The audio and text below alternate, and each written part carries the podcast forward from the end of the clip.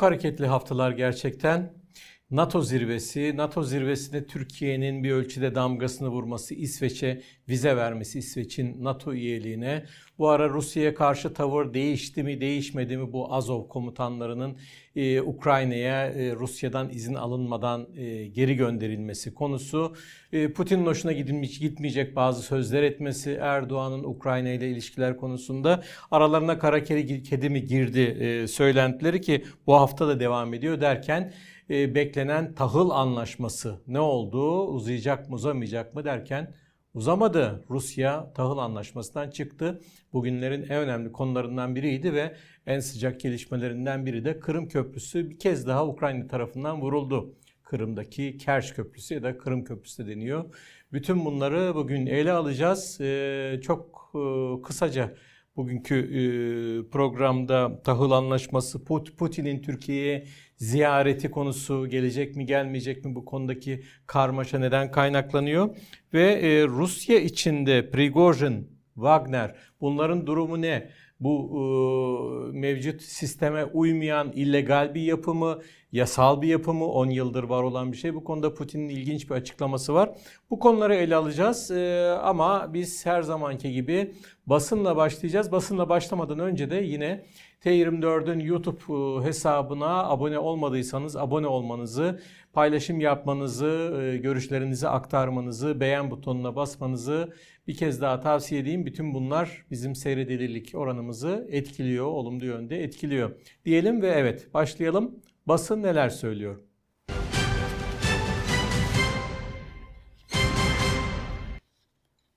Rusya'nın etkili gazetelerinden Nezavisima'ya manşet haberinde e, haber yorum diyelim aslında bu tahıl anlaşması konusuna değinmiş ve önemli birkaç şeyi söylüyor.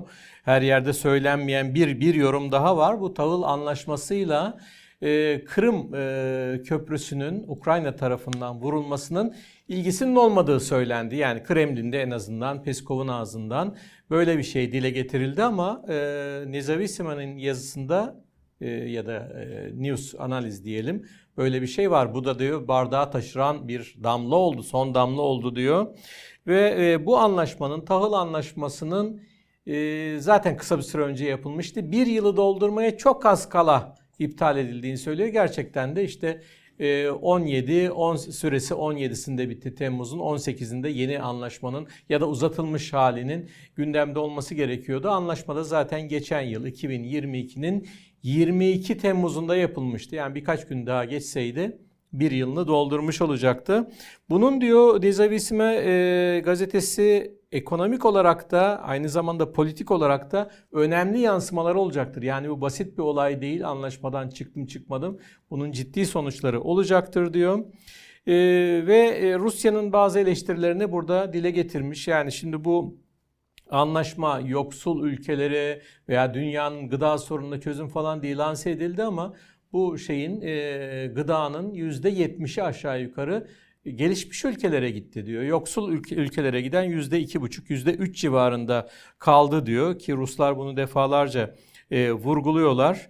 %3 civarında bir şey bununla sınırlı oldu diyor. Tabii bu konuda Erdoğan'ın epeyce çaba sarf ettiğini ve son ana kadar hatta şimdi bile iyimser şeyler söylediğini e, vurguluyor Nizavisimi ama buna rağmen Rusya tavrını koydu diyor, kararını verdi diyor. Aynı konuda ikinci yayın organı biraz daha geniş yer veriyor. Rusya'dan yine Vizgilat.ru internet sitesi etkili bir site bu da. Siyasi yorumları e, güçlü ve çok daha geniş olarak ele almış aynı konuyu, tahıl e, konusunu ve yaptığı yorumda da daha e, başlıktan şey diyor e, yani bu sonunda diyor bundan çıkmamız Rusya'nın elini serbestleştiriyor. Bundan sonra daha istediğimize göre davranabiliriz. Ne demek istiyor? Ee, onu birazdan açıklayacağım. Şimdi Erdoğan'ın e, demecinde söylediği şey de Rus kaynaklarında hep kullanıldı. E, tahıl anlaşması tarihe geçti diye çoğunluk verdi. Bazıları da tarihe karıştı diye. Bu da öyle veriyor. Tarihe karıştı. Aslında e, Erdoğan'ın sözlerinin daha çok övgü vardı ve e, devamında gelmesi gerekir. Ben Putin'in ikna olacağını inanıyorum ya da umuyorum türünden açıklamalar vardı. Yine burada da demişler. Özellikle de bu e, yoksul ülkeler derken 5 tanesini özellikle sıralıyorlar. %2,5 civarında tahıldan nasibini alan işte Afganistan, Sudan, Etiyopya, e, Yemen, Somali. Bunlara hiçbir şey gitmedi. Yüzde iki buçuk ve yüzde yetmiş civarı işte demin dediğim gibi burada da tekrarlanmış. E, gelişmiş ülkelere gitti diyor. Ve e, burada bir de Türkiye ile ilişkilerde hep bu önemli bir faktördü. Erdoğan çok istiyordu bu anlaşmanın uzatılmasını. Ama şimdi durum değişti onu görüyoruz diyor. Şimdi seçimlerde biz Erdoğan'ı destekledik Rusya olarak. E bir de orada e, Rusya'ya çok da sıcak bakmayan bir muhalefet vardı diyor. Ama muhalefet kaybetti. Erdoğan kazandı ama ondan sonra Erdoğan'ın politikası değişmeye başladı diyor ve burada önemli Rus basında ilk kez bu netlikte görüyorum. İsim bazında ele almışlar. Yani daha batılı bir e, hükümet çıktı Erdoğan'ın bu döneminde seçimlerden sonra diyor ve onu da ele alırken daha Cumhurbaşkanı yardımcısından başlamış Şevket e, Cevdet Yılmaz e, Batı'da eğitim almış, zamanında AB ile ilişkilerle ilgili çalışmış falan. E zaten onun dışındakilerden Hakan Fidan'ın Batı ile çok iyi ilişkileri olduğu, İngilizlerle özellikle e, Britanya, MI6 ile o haber alma kurumuyla çok iyi ilişkileri olduğunu. E, Mehmet Şimşek zaten belli diyor falan. Böyle bir kadro düzeyinde de daha batılı olduğunu vurguluyor ve politik olarak da seçimlerden sonra gidiş diyor. Görüyoruz ki daha batıya yakın e, bir çizgiye doğru geliyor. E, bu arada Rusya'yı kızdırmaktan da çekinmiyor. İşte Azov komutanlarını tuttu verdi diyor. Bir değişiklik var ve galiba diyor e, öyle bir yorumu var e, Zgilat.ru sitesinin. ABD ile de Erdoğan arasında seçimlerden daha önce, seçim öncesinde bir anlaşma oldu bazı şeylerin değişikliğiyle ilgili diyor. E, bu arada şöyle bir e, not da e, vermiş. E, biz Amerikalı işte e, Amerikalıların e, Türkiye muhalefetin destekleme konusuna değiniyorduk ama diyor ki yanlış yaparak değiniyorlardı. Onu tam net bir öz eleştiri vermemiş. Bu galiba biçimsel bir destekti diyor. Biçimsel falan da değildi sayın e, Vizgilatru yorumcuları. Böyle enteresan bir e, yorum. E, Rus basından sonra Almanya'ya gidelim. Der Spiegel e, ilginç bir konuda bence doğru bir yorum yapmış. Rusya daha yıllarca dayanabilir diyor. Neye dayanabilir? Ekonomik ambargoya, ekonomik yaptırımlara dayanabilir. Şimdi geçen hafta içinde e, ruble daha da düştü ve bir euro karşısında 100 doları o sınırı geçti. Şimdi bundan dolayı işte Rus ekonomisi çöktü mü, yaptırımlar Rusya'yı mahveder mi falan bu eski bir konu. Yani 2020 2014'ten bu yana bunu konuşuyoruz. Kırım e, harekatı ve ondan sonraki başlayan yaptırımlar 2022 Ukrayna saldırısıyla birlikte çok daha ağırlaşan, adım adım ağırlaşan yaptırımlar ama e, elbette Rusya'yı etkiliyor ve bundan sonra da daha etkileyecektir. Ama bu Rusya'yı dize getirmiyor. Bu konuyu e, Der Spiegel de anlamış ve evet para birimi düşebilir diyor. Olur yani epeyce de düştü. Hatta şey demiş Titanik'ten bile daha derine düştü diyor. Ama e, her şeye karşın Putin'in savaş ekonomisinin Rusya'yı çökerttiğini söylemek doğru olmaz. Evet arz talep dengesi bunu belirler. E, paranın değerini evet petrol gelirleri azalıyor. Bütün bunlar doğru bunlar sorun ama büyük bir kriz yok. Zaten savaş da yani korkunç bir şey savaş ama Rusya'nın gayri safi milli hasılasının ancak %3'üne karşılık verdi. Yani Rusya durumu idare ediyor ve daha uzun yıllar dayanabilir diyor. İlginç bir yorum e, Almanya'dan. Dördüncü sırada e, Amerika Birleşik Devletleri'nden bir internet sitesine bakalım. The Messenger sorularla cevaplarla Putin'in çöküşü başladı mı demiş. İddialı bir yorum. E, ve burada Putin Prigojin ayaklanmacı, isyancı Prigojin'le görüşmesi e, gerçekten görüştü mü görüşmedi mi bunu bilmiyoruz diyor. Gerçekten de bir, bir video, bir fotoğraf yayınlanmaması da ilginçti. Ama sonuç olarak niye böyle yapsınlar o da ayrı bir konu.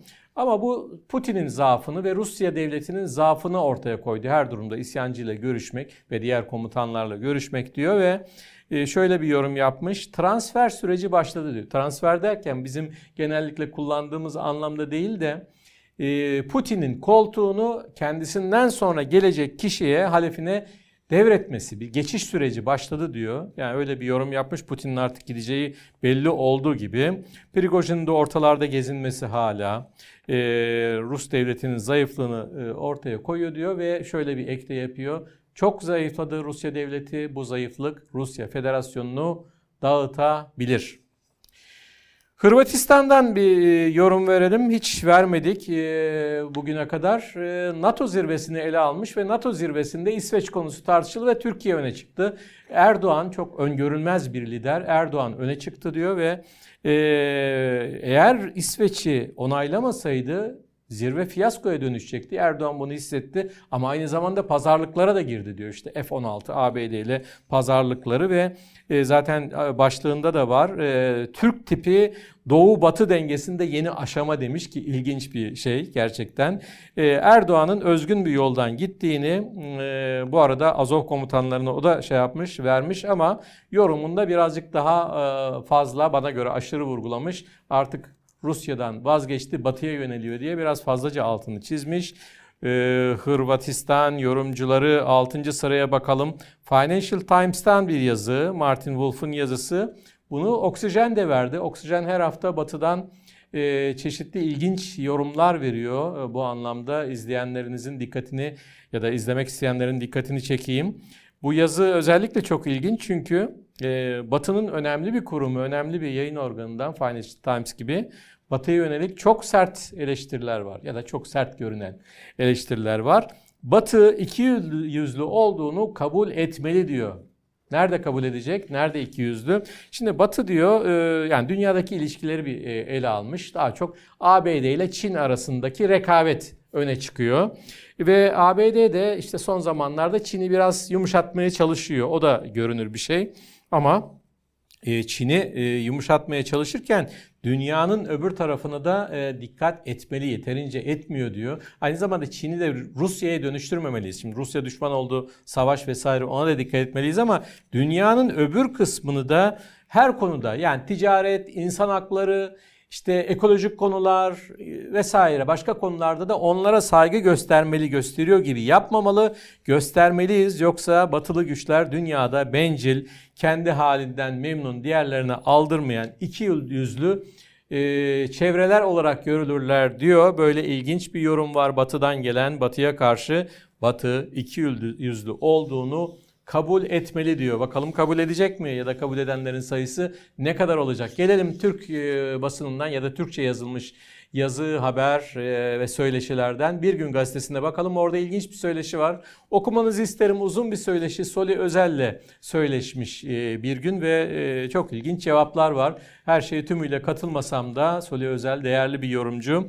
Katılmadığım şey artık Türkiye'nin Batı Rusya ile köprüleri yaktığı gibi biraz bana keskin görünen bir yorum var. Ama e, dış politikadaki batıya yönelim konusu işte Azov konusunda vermiş. Dünyanın yeniden kurulduğunu ve ekonomik olarak da güçler dengesinin jeopolitik olarak da yeniden düzenlendiğini, yeniden dağıtıldığını söylüyor ve NATO içindeki yeni düzenlemelerden buradanın burada Türkiye'nin e, önemli ön sıralarda bir yer alabileceğinden bu yeni dizaynda bahsediyor ve Türkiye'nin Kafkasya'da başarılı olduğu ve Rusya'ya e, Rusya'yı batıya karşı kullanma oyununu da başarıyla sürdürdü ama artık bu yolda oyunun sonuna gelindiğini söylüyor. NATO'nun da değişmesinden bahsetmiş. Yani artık bir sınırlı bir e, örgüt değil işte Kuzey Atlantik İttifakı olmaktan çıkıyor ve Batı'nın genel bir güvenlik örgütü haline geliyor. Hatta küresel bir ittifak haline geliyor. Evrensel bir rol üstleniyor diyor. Burada roller değişiyor. Türkiye'nin de konumu değişiyor diyor. Çok fazla konuda çok çeşitli konularda yorumları var. Tekrar söyleyeyim e, bu e, söyleşiyi okumanızı tavsiye ederim. Bir de Türkçe e, yayınında Euronews'e bir bakalım. O da bizim belki bir süredir gündem o kadar yoğun ki Ukrayna, NATO, Türkiye falan derken e, Kafkasya'ya çok fazla bakamadık. Dağlık Karabağ'da gerilim demiş Euronews. Azerbaycan Rusya'yı suçladı ve Rusya'da e, Moskova'da üçlü e, zirve e, önerdi demiş. Aslında orada epeyce bir gelişme oluyor. Ermenistan'ın özellikle 1991 sınırlarını kabul ettiğini açıklaması yani Karabağ'ın Ermenistan'da olduğunu kabul etmesi e, Paşinyan yönetiminin zaten bazı şeyleri hızlandırmıştı. Onlar her tarafta görüşme yapıyorlar. Rusya'nın aracılığıyla işte ABD'nin katkısıyla ABD çok AB e, şeyinde Brüksel'de çok yoğun görüşmeler ve epeyce bir ilerleme sağlanıyor gibi. Çok zor ilerliyor, ağır ilerliyor ama önemli adımlarda atıyorlar. Ve bu arada e, iplerin, inisiyatifin kendi ellerinden koptuğunu, kendisinden uzaklaştığını gören Moskova'da e, ya gelin şu işi birlikte konuşalım. Biz, biz Moskova'da konuşalım. Burada başladık. İşte savaşın e, bitişinde de ikinci e, savaşın e, bitmesinde, hmm, ikinci Karabağ Savaşı'nın bitmesinde zaten birlikte konuştuk. Üçümüz konuştuk. Hatta ben bölgeye asker gönderdim 5 yıl süreyle falan diyor. İşte o askerler işlevsizleşecek. Eğer Rusya dışında bir barış anlaşması yapılırsa Moskova'da bunları görüyor herhalde. Bu arada Azerbaycan'da ve bir ölçüde Ermenistan'da bölgedeki işlevlerini yapmadığından ya da doğru yapmadığından dolayı Moskova'yı da suçluyorlar. Bu konuda böyle ilginç, gerçekten e, ilginç gelişmeler oluyor dünyanın ve bizim daha çok ele aldığımız e, eski Sovyet coğrafyasının birçok e, yerinde önümüzdeki e, programlarda başka yerlere, başka bölgelere de bakabiliriz umarım diyorum ve şimdi e, neye bakalım? Tahıl Anlaşması konusundaki son gelişmelere bakalım.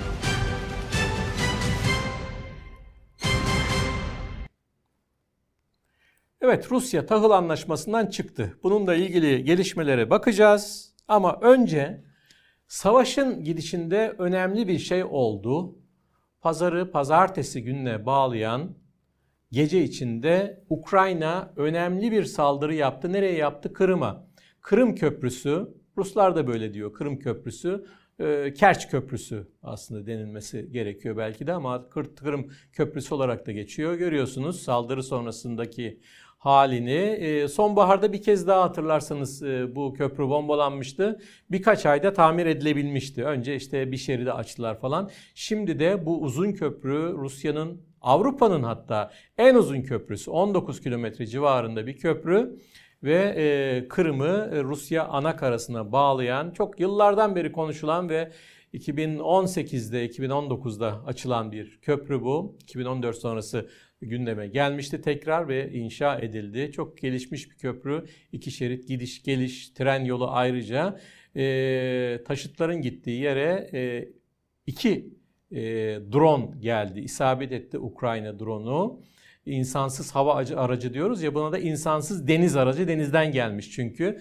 Rusya'dan e, şöyle bir şey geldi. Yani bunu Ukraynalılar tek başına yapamaz İngiltere'nin ve ABD'nin istihbaratı ve katkısıyla yaptılar. Bence doğrudur. Bu tahminde doğrudur diye düşünüyorum ama önemli bir darbe. E, insan kaybı da var. Yani köprünün kısmen tahrip olmasının ötesinde köprüye köprüden geçen bir otomobilde bir aile hedef oldu. E, karı koca öldüler.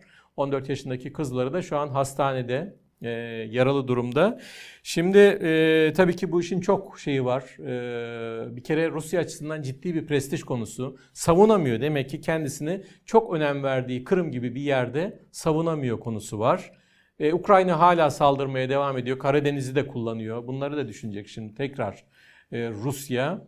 Ve bir de tabii işin yaz aylarındayız şimdi. Öteki sonbaharda ama yaz aylarında Rusya çok hani baskı falan yapmasa da Türkiye'ye, Mısır'a şuraya buraya gitmeyin demiyor tabii. Geçmişte dediği de olmuştu bir şekilde.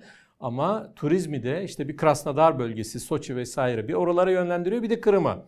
Ama şimdi Kırım Kırım'a giderken yani ne olsun Kırım'da artık bu kadar savaş tehlikesi var. Bu kadar patlamalar oluyor. İlk defa da olmuyor bu. Baktım yayına çıkmadan önce ne kadar turist var, Rus turist var diye değişik şeyler var. İşte bir Rus kaynağı, daha hükümete yakın bir kaynak 50 bin civarında Rus orada tatil yapıyor diyor şu anda.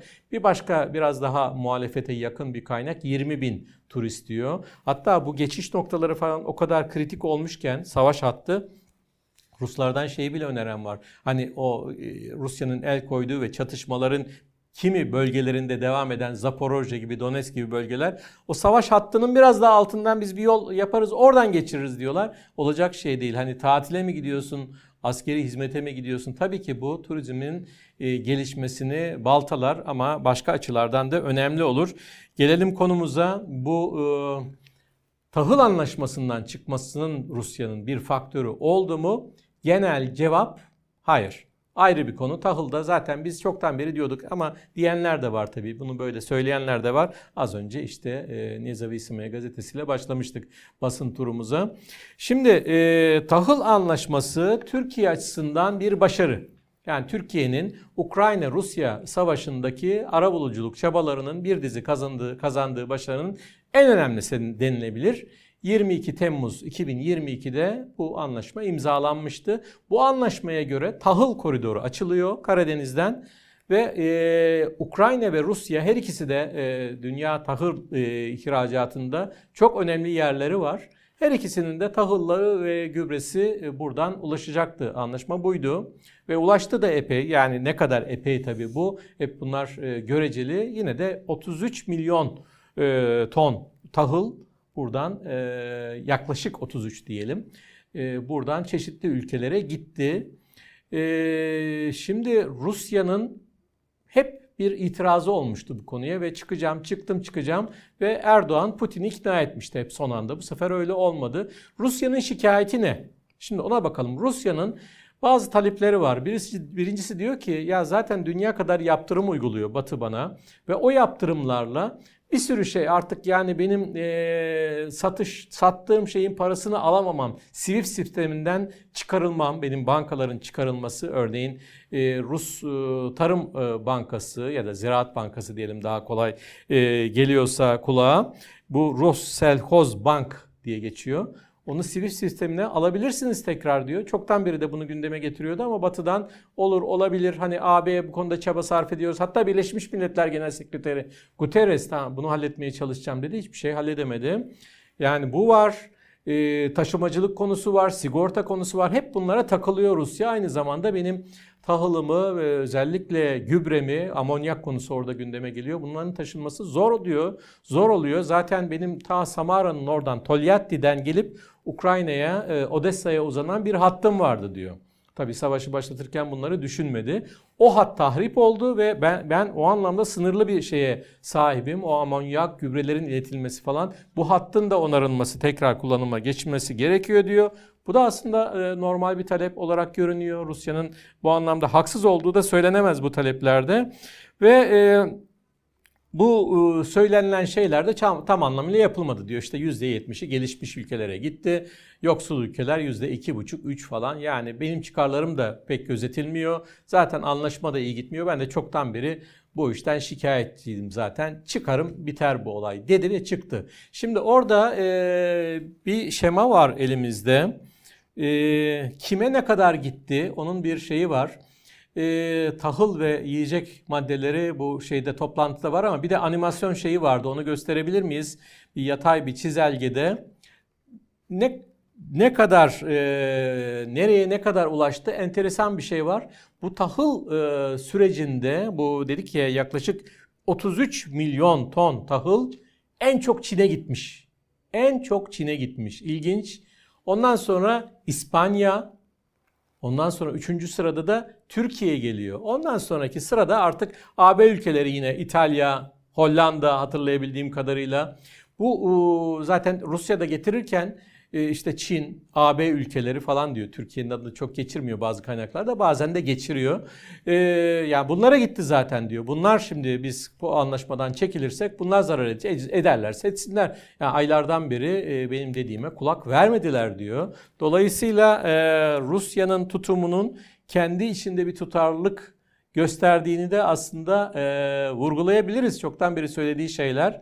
Ama işte dediğim gibi bu sefer bir şeyler oldu ve e, geri dönmedi. Yani Putin Erdoğan'ı dinlemedi.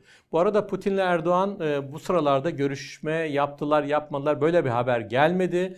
Erdoğan işte Körfez ülkelerine giderken yani şu anda olmadı görüşemedik ama döner dönmez telefon edeceğim. Zaten Ağustos'ta da bekliyorum kendisini dedi. O Ağustos'ta bekleme konusunda ayrıca ele alacağız şu meseleyi.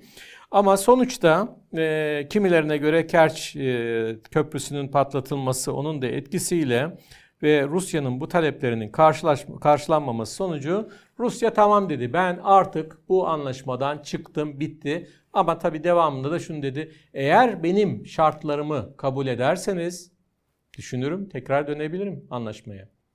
O şeyleri, şartları kabul ederler mi? Çok emin değilim. Tabi bundan sonra bir sürü açıklama geldi. ABD kınadı, işte dünya yoksullar, işte aç kalıyorlar vesaire. ABD öyle, Avrupa Birliği de öyle. Türkiye'den açıklamalar geldi, başka ülkelerden açıklamalar geldi. E, bu arada en önemlisi herhalde şu iki açıklama. Ukrayna'dan geldi, Zelenski'den geldi. Ya dedi biz devam edelim. Devam edelim. Bu Rusyasız devam edelim. Şimdi orada şunu açıklamama izin verin. Ee, 22 Temmuz 2022'de tek bir anlaşma yapılmadı tahıl koridoru konusunda. İki anlaşma yapıldı çünkü savaşan taraflar özellikle de Ukrayna Ruslarla aynı masaya hiçbir şekilde oturmuyor. Dolayısıyla Türkiye ve Birleşmiş Milletler'in Ukrayna ile bir anlaşması var. Türkiye ve Birleşmiş Milletler'in e, Rusya ile ayrı bir anlaşması var. Şimdi Rusya kendi anlaşmasını iptal etti. Bunu da resmi olarak hem Birleşmiş Milletler'e hem de Türkiye duyurdu. O zaman diyor ki Zelenski bizim anlaşmamız devam etsin. Orada da ikinci açıklama geldi. Yayına girmeden önce gördüm ben bunu. Peskov'dan bir açıklama. E, daha önce Ruslar şey diyordu yani bizim çıktığımız anlaşma devam ederse biz güvence veremeyiz. Şimdi bir tık daha ileri götürmüş bunu. Biraz tehdit kokan bir şey. Riskler olur diyor. Çok ciddi riskler olur diyor. Çünkü savaşan, savaşın sürdüğü bölgelerden diyor. Yani savaşın sürdüğü Karadeniz'e bir bakacak olursak hani bir canlandırın o bölgenin haritasını. Ee, Odessa civarından alın, Kırım'ın yanından alın, oradan Türkiye'ye boğazlara uzanan bir hatta şimdi bu Kerç e, köprüsünün patlatılması oraya yönelik saldırının karşılığında Putin çok şey yapacağız falan dedi ama bu gece gördük ki en çok yaptığı şeylerden biri Odessa'yı bombalamak ki Odessa'da savaş sürmüyor aslında. Zaman zaman bombalıyorlar. Yok çok yoğun bir bombalama. Tabii onun deniz tarafında bombalayabilir. Tesadüfen oraya gitti bombalarda denilebilir. Yani şimdi e, o anlamda güvence veremeyiz demek biz o tahıl gemilerden birini tesadüfen bombalayabiliriz anlamına da geliyor. Onun için böyle demin sözünü ettiğim çizelgeye şöyle bir bakmakta yarar olabilir. Şimdi hazırladık bakın oradaki e, hemen benim e, yanımda gördüğünüz en uzun hat nereye gidiyor bu şeyler? E, kargo gemileri. En uzun hat Çin. Ondan sonra görüyorsunuz e, daha sağ tarafta kalan şeyde hatta İspanya daha sonra Türkiye geliyor. Demin dediğim gibi Avrupa Birliği ülkeleri Hollanda, İtalya yakın oranlarda daha sonra diğer Avrupa Birliği üyeleri ve en aşağıda gördüğümüz şeylerde de o yoksul ülkeler geliyor. Yani o anlamda da söylenilenler yalan değil. Ama bütün bunlar savaştan sonra ortaya çıktı. Hepsini birlikte düşünmek gerekiyor. Mesele taraf tutmak falan değil. Mesele ne varsa kim neye yol açtı, hangi eylemiyle ve onun sonuçları ne oldu? Dünya açısından, bu ülkeler açısından, gıda açısından, her açıdan onları objektif olarak görebilmek. Türkiye'de genellikle herhangi bir şeyden bahsedilince iki refleks var. Bir, bu Türkiye'deki neye benziyor acaba? Ben bunu nasıl anlayabilirim? İşte Putin Erdoğan'a mı benziyor, Biden Erdoğan'a mı benziyor, Zelenski falancaya mı benziyor, muhalefete mi ben İlla böyle bir çakıştırarak anlama şeyi var. Uymayabilir. Dünya Türkiye'den ibaret değil. İkincisi de e, Türk e, okurunun, seyircisinin böyle garip bir şeyi var, refleksi var. Şu durumu bir anlayayım da bir taraf tutayım bakayım. Rusya'nın tarafını tutayım emperyalistlere karşı ya da işte uygarlık, Batı uygarlığı falan ABD'nin işte Ukrayna'nın tarafını tutayım. Ya şart mı bir tarafı tutman? Olayı bir anla bakalım önce. Bu anlamda bunu da kısaca da olsa vurgulayalım ve ne diyelim? Ee, Putin Türkiye'ye gelecek mi gelmeyecek mi? Sizce gelecek mi? Hadi o konuya ayrıca bir bakalım. Evet, şimdi uzun süreden beri Erdoğan Putin'i Türkiye'de beklediğini söylüyor. Aslında hakkı da var e, şey anlamında, e, karşılıklı ziyaretler anlamında e, sırada onların Rusların iade ziyaret yapmaları gerekiyor. Ama o konuda da işte birkaç açıklama yapıldı. Hep Türkiye'den geliyor genellikle açıklamalar ama şunu da söyleyeyim.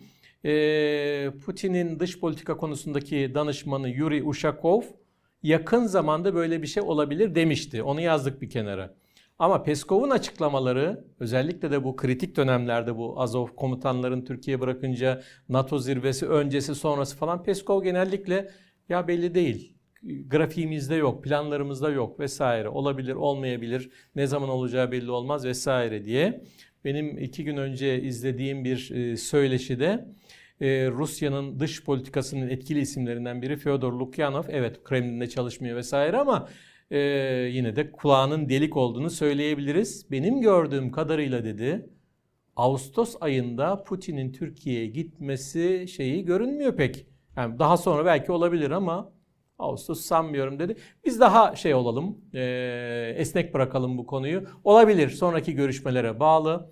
Şimdi telefonda yapacakları görüşmelere, o bakanlar arası görüşmeler ki yapıldı bir telefon görüşmesi Fidan'la Lavrov arasında kısa bir süre önce. Buradaki gelişmelere bağlı olarak Ağustos'ta da olabilir. Eylül ve daha sonrasında da olabilir. Bu görüşmeyle ilgili tabii o kadar çok şey söyleniyor ki. Şimdi birincisi bu benim geçen haftada bu haftada değindiğim konu. Küst, küstüler mi? Putin küstü mü Erdoğan'a? Yok böyle bir şey olamaz. Putin Erdoğan'a küsemez. Erdoğan Putin'e küsebilir mi? O da küsemez. Yani şimdi e, iki e, ülkenin çok fazla işte, çok fazla olayda, çok fazla sorunda işbirliği var. Koordinasyonu var. Bunları ellerinin tersiyle itme şansına sahip değiller. Genel olarak baktık mı toplam tabloda eskiden e, Rusya daha önde geliyordu Türk-Rus ilişkilerinde. Ama e, sonradan öyle bir e, şey gelişme oldu ki özellikle bence savaştan sonra Putin'in yaptığı e, Ukrayna'ya saldırma ve kendisini yalıtlama tavrından sonra dünya ile ilişki kurabilmek, Batı ile ilişki kurabilmek, Ukrayna-Rusya konusunda bir görüşme süreci gelirse gündeme onun kapılarını açabilmek için Türkiye'ye, Erdoğan'a ihtiyacı var. Yani Erdoğan'ın ve Türkiye'nin önemi daha fazla arttı gibi. Ama bu dediğimi de kalıp olarak anlamayın lütfen. Çünkü bazı konulara tek tek bakarsak, mercek doğrultursak farklı şeyler de çıkabilir. Mesela Suriye. Suriye'de acaba Türkiye mi Rusya'ya daha çok e, muhtaç, tersi mi? Bence Suriye'de e, Rusya'nın e, kozları daha güçlü. Dolayısıyla kimse birbirini öyle e, elinin tersiyle itmek, gemileri yakmak vesaire bunlar değil. Bence çok radikal bir şey olmaz Türk-Rus ilişkilerinde ama değişim olabilir. Türkiye ekonomik ve başka nedenlerden dolayı daha fazla batıya doğru dümen kırabilir. Ama Rusya'yı da idare etmeye çalışır. Daha biraz daha esnek yorumdan yanayım. Bir de bununla ilgili şöyle bir şey var. E, ziyaret gelecekti, gelmeyecekti. istiyordu, istemiyordu Putin Türkiye'ye gelme konusu. Putin'in e, savaşın başlangıcından beri giderek dışarıya yaptığı, yurt dışına yaptığı ziyaretlerin sayısı azalıyor. Korkuyor, çekiniyor. Yani uçağa vurulabilir, başına bir şey gelebilir diye ülke içindeki şeyleri daha çok o zırhlı treniyle falan yapıyor. Bunlar az buz konular değil ve Putin de bu konuda özel hassasiyet gösteren, öyle ifade edelim, bir lider. Şimdi e, gündemde çok ilginç bir konu var. Konumuzdan tam uzaklaşmayacağız aslında. Farklı bir şey ama uzaklaşmayacağız. Güney Afrika Cumhuriyeti'nde önümüzdeki ay Ağustos'un 22, 23, 24'ünde BRICS zirvesi toplanacak.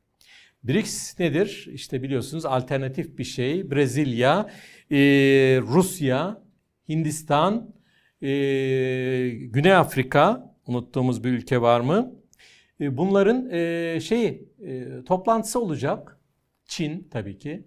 E, bunların toplantısı olacak ama Şimdi e, Güney Afrika yani toplantının ev sahibi olan ülke şu vaktiyle şey çıkmıştı ya burada da uzun uzun verdik. Putin'i e, savaştaki tutumu ve Ukrayna çocukları Rusya'ya kaçırma e, iddiasıyla bir dava açıldı Uluslararası Ceza Mahkemesi'nde. Süre aşımı olmayan ve Putin'in tutuklanması talebini e, bütün anlaşmayı kabul eden ülkelere e, şey yapan, e, bunlardan talep eden, rica falan da değil talep ve işte Türkiye bu anlaşmayı tanımıyor ama Güney Afrika tanıyor. İşte öyle garip bir şey oldu ki Güney Afrika bir şekilde Putin'in Rusya'nın e, şeyi ne derler e, ittifakı e, BRICS'te ve genel olarak da iyi ilişkileri var. Son haftalarda neredeyse yalvarıyorlar. Ya lütfen Putin gelmesin. Putin gelmesin. Başka biri gelsin. Lavrov'u gönderin, başka birini gönderin, gelmesin. Ya da işte birileri şey diyor ya sonunda galiba bunlar online yapacaklar bu zirveyi ya da işte Putin online seslenecek ya da Lavrov gelecek vesaire böyle ilginç bir şey var. Ee, aslında Putin bir yere giderse e, bir tutuklanma ihtimalini bile bile gitmez. Zaten kendisi de bu konuda çok titiz, çok e, çekinen bir lider. Dolayısıyla ama böyle bir şey var. Hatta ve hatta e, Türkiye ile ilgili olarak bile bunu gündeme getiren Ruslar oldu. Türkiye'ye giderse Türkiye'de işte Batı'ya epey yaklaştı. Son zamanlarda Türkiye'de tutuklanır mı? Twitter'da birisi yazmış. Niye tutukluyorsun? Kimi tutukluyorsun falan diye. Böyle bir şey beklemiyorum ben. Tabii ki gündemde yok. Bugün için böyle şeyler gündemde yok. Ee, ama Putin'in dış temaslarında artık dikkat etmesi gereken ve savaşın Şu ana kadar çıkardığı faturalardan birisi bu tutuklama e, talebi. Şimdi e, Putin ile Erdoğan'ın o geleneksel dostluğu bozuldu mu? Bu konuda tabii ki e, Ukrayna'ya yaklaşma, NATO konusunda şeye vize verme, e, İsveç'e vize verme ve özellikle de hiç beklenmeyen bir şekilde Rusya'nın öyle anlıyoruz tepkilerde bu Azok ya da Azak ya da Azov taburundan 5 e, ya da bazı verilere göre 6 komutanı Rusya'nın izni olmadan savaşın sonuna kadar Türkiye'de kalması gereken komutanları Ukrayna'ya vermesi. Onlar da Ukrayna'ya gidip Kiev'de bir yerde oturmayacaklar. Biraz dinlendikten sonra tekrar savaşa başlayacaklar tabii ki. E, Rusya ile belki de başlamışlardır. Bu tabii ki ciddi ölçüde tepki uyandırdı. Bu tepkiler e, ilk olarak Peskov'un ağzından e, duyulmuştu. Peskov daha sonra iki gün sonra bir açıklama yaparak yumuşattı. Tabii dedi yani Türkiye'nin bileceği iş Ukrayna ile ilişkiler falan. Biz yine de Türkiye ile ilişkileri, hap konusu, doğal gaz hub'ı vesaire bunları devam ettireceğiz dedi ama Rusya aslında tam olarak susmadı. Basında söylemiştim size geçen hafta epeyce bir şey oldu diye, tepki oldu diye. Ee, birkaç gün önce de Rusya'nın dış istihbaratın başındaki Sergey Narishkin ya biz bu konuyu öğrenmek istiyoruz. Ankara'nın bu konuda bize bilgi vermesi lazım. Görüşmelerde soracağız dedi. Yani bir şey var orada geçmeyen, kolay açıklanmayacak bir şey. Yine dediğim gibi küslük falan değil ama ilişkilerde bir bir farklılık var ortada. Bunu gidermek için Erdoğan bir takım şeyler, yöntemler düşünüyordur diye tahmin ediyorum. Dolayısıyla şu ya da bu şekilde önce telefon görüşmesi bekliyoruz. Daha sonra da eğer aralarında bir anlaşma olursa Ağustos mudur, Eylül müdür e, liderlerin yüz yüze görüşmesi konusu gündeme gelecek diyelim ve dış gündemi, Rusya'nın dış gündemini kapatalım. Rusya'nın içinde kaynayan kazanlara kısaca bir bakalım. Prigozhin, Wagner bıkmış olabilir misiniz? Bıkmayın çok ilginç bir konu çünkü. Oradaki gelişmelere bir göz atalım son maddemiz olarak. Şimdi Prigojin'i biliyorsunuz. Bir anda Rusya'nın en ünlü siyasileri arasına girdi. Adam e, eskiden suç unsurları arasındaydı. Geçmişte hapis yatmış, sonra işte bir sürü karanlık işe bulaşmış ve işte troll fabrikasını kurmuş ve 10 yıl kadar önce bu Wagner'i e, kurmuş. Yani paralı ordu birliklerini kurmuş. Şimdi e, 23-24 Haziran'da e, bir e, sinir patlaması oldu. Başka şeyler böyle şurasına kadar gelmiş olan konular. Özellikle de Putin'e karşı değil bakın Prigozhin'in tepkisi hiçbir zaman Putin'e karşı olmadı. Ya da direkt olarak Putin'e karşı olmadı. Dolaylı belki. E, Savunma Bakanı Şoygu'yu hedef aldı ve e, Gerasimov'u hedef aldı. O da Genelkurmay Başkanı. Siz zaten orduyu iyi yönetemiyorsunuz işte Suriye'de de öyle özellikle Ukrayna'da iyi yönetemiyorsunuz. Mesela Bahmut şehrini o kadar çatışmadan sonra benim adamlarım aldı diyor. Adamlarım dediği de Wagner'deki adamlar bunların da önemli bir kısmı hapishaneden çıkarılan yani iyi savaşın ondan sonra 6 ay iyi götürürseniz bu işi sizi serbest bırakabiliriz. Yani hangi suçunuz olursa olsun bu da ilginç bir şey. Bu bunlardan bu savaşçılardan oluşan e, ordu gerçekten de Rus ordusundan galiba daha iyi savaştı. E, Bahmut'u bunlar aldılar veya büyük ölçüde bunlar. Ama Savunma Bakanlığı yönetimine gösterdiği tepkiler bir noktada 23 Haziran'da patladı ve işte Savunma Bakanlığı'nın kendi birliklerini vurduğunu söyledi. Füze gönderdiğini söyledi. Hatırlatma olarak söylüyorum bunların hepsini çoğunuz biliyor olabilirsiniz. Birkaç şehri ele geçirdi Rusya'nın. Rostov gibi önemli bir şehri güneydeki. Onu ele geçirdi. E, kuzeye doğru bir birlik gönderdi. Varojnej'i ele geçirdi. O ara bir takım şeyler de oldu. Ufak tefek çatışmalar da oldu. Bir Rus uçağını düşürdü, helikopterleri düşürdü vesaire. Bunlar da kapandı aslında. Sonra o arada tabii e, Putin onu hain ilan etti ki e, 20-25 yıl belki bilmiyorum ne kadar süre dostlukları var. E, hain ilan etti. Daha bir gün tamamlanmadan e, sözde yani bize denildiği kadarıyla Belarus lideri Lukashenko güya işin içine girmiş ve onları barıştıracak bir formül. Şimdi koskoca Putin bir şeyle, bir askeri e, birlik, özel birlik şeyle patronuyla ya da yöneticisiyle barışması falan bunlar bile garip geliyor kulağa. Ama öyle oldu. Buna dokunmadı. Bir kan da çıkmadı sonuç olarak. Öyle dediler. Kan çıkmaması için soğukkanlı tavır dediler. Ama tabii ki Putin'in siyasi otoritesinden çok şey götürdü. Ve hala götürmeye devam ediyor. Neye devam ediyor ya da bu haftanın gelişmesi ya da son zamanların gelişmesine bir kere geçen hafta da söylemiştik. Prigojin öyle e, omuzları düşük bir şekilde çantasını alıp e, Belarus'a falan gitmedi. Epeyce bir süre Moskova'da ve özellikle e, şirketlerinin genel merkezinin bulunduğu öyle diyelim e, Petersburg'da epeyce dolaştı, işlerini halletti, silahını almıştı resmi yöneticiler, silahını geri verin bakayım dedi verildi, paralarını el koymuştu devlet, paraları geri verin dedi, aldı. Böyle ilginç bir şey. E, ve bu e, Prigojin daha sonradan e, şeyleriyle birlikte 35 tane komutanı ile birlikte Putin tarafından Kremlin'e davet edildi. Haber Fransa'dan geldi, Liberasyon'dan ama hemen akabinde e, Peskov, yine Peskov, bugün çok adı geçti ama durmadan o konuşuyor, ne yapalım. E, evet dedi doğru, Putin bunlarla görüştü, Prigojin ve 35 komutanıyla görüştü. Onunla ilgili birçok birçok söylenti çıktı. Yani şimdi Putin e, Prigojin'le bir temas kuruyor, onu kontrol etmeye çalışıyor ama daha çok yaptığı şu. Şimdi ortada on binlerce kişi olabileceği söylenen, kimlerine göre 40-50 bin, e, Prigojin'in o isyana başladığı zaman 25 bin demişti. Fark etmez. Yani iyi savaşan e, birlikler var. Bunların başına bela olmasını istemiyor Putin bir. İkincisi beladan öte bunların Ukrayna'da işe yaramasını da istiyor. Sonra aralarında galiba karmaşık ilişkiler de var. Yani Prigojin veya Wagner'le.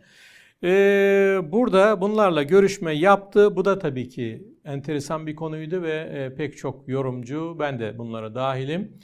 Bu şeyin, sürecin Putin'e e, ki iki, önümüzdeki yıl seçimlerle sınanacak olan gücü, sınanacak olan muhtemelen Putin'e eğer katılırsa ki katılma doğrultusunda ilerliyor şu anda. E, prestij kaybettiriyor. Yani kimlerle, kimlere taviz vererek ilerliyor. Koskoca Putin böyle dedirtiyor.